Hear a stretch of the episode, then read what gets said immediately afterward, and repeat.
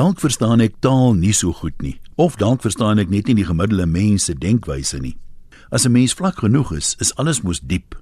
Maar die waarheid is eintlik dat ek nie die verskillende interpretasies van mense vir presies dieselfde begrip verstaan nie. Hoekom verskil dit so baie van een taal na 'n ander? Dit het my al 'n paar maal oorgekom dat as ek die Engelse benaming vir iets gebruik, dan word dit gou verdoem en soms selfs duiwels genoem.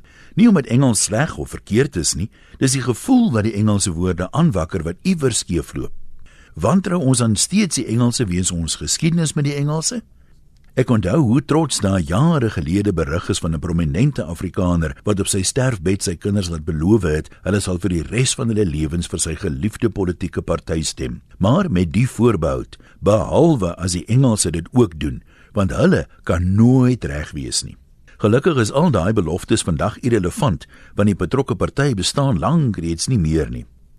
Hier's 'n paar van die dinge waaroor mense frons as hulle dit in Engels hoor. Al doen hulle presies dieselfde ding in Afrikaans. Meditation kan niks goeds afgee nie en moet vermy word. Dit is baie baie slegter as om stil te word. Al is die aksie en die resultaat presies dieselfde. Noem net by die bidtier dat jy soms mediteer, dan kry vir al die dames om een of ander rede 'n oorhaastige knoop in hulle bloemers.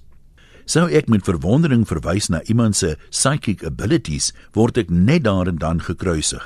Nee, jong word gefluister, ons noem dit gawes. Beter nog, dis eintlik geestelike gawes. Die feit dat enige iemand verder as die blote vlees kan sien, is alreeds nie algemeen nie. Maak nie saak in watter taal dit bewoord word nie. Enige een wat sy psychic abilities wil ontwikkel, word sonder verhoor skuldig bevind en op die plek gekruisig maar noem net dat jy graag jou geestelike gawes wil ontwikkel, dieselfde ding, dan hoor ek net lofliedere. Moeders word gebore met 'n sesde sintuig om hulle kroos te beskerm, maar toe ek my eie sesde sintuig verder wou ontwikkel, is ek gemaan om tog nie by die okkulte betrokke te raak nie. Ek verstaan dit nie. Of dit nou potato, potato, aardappel of sommer net 'n kom 'n aardappel is, dit bly dieselfde ding. Is ons preuts, onkundig of dra ons gerieflikheidshalwe net Christelike oogklappe? Die taal verander mos nie die betekenis van 'n woord nie, nie in my woordeboek nie in elk geval. Tog is hierdie dubbele standaarde normaal vir baie mense. Soms is iets in Afrikaans weer baie erger as in Engels. Mense sal rustig na 'n sitkom op TV sit en kyk waar die karakters kort-kort uitroep, "Oh my god!" Hulle knip nie 'n oog nie, maar vertaal dit nou in Afrikaans, dan stroom die klagtes in.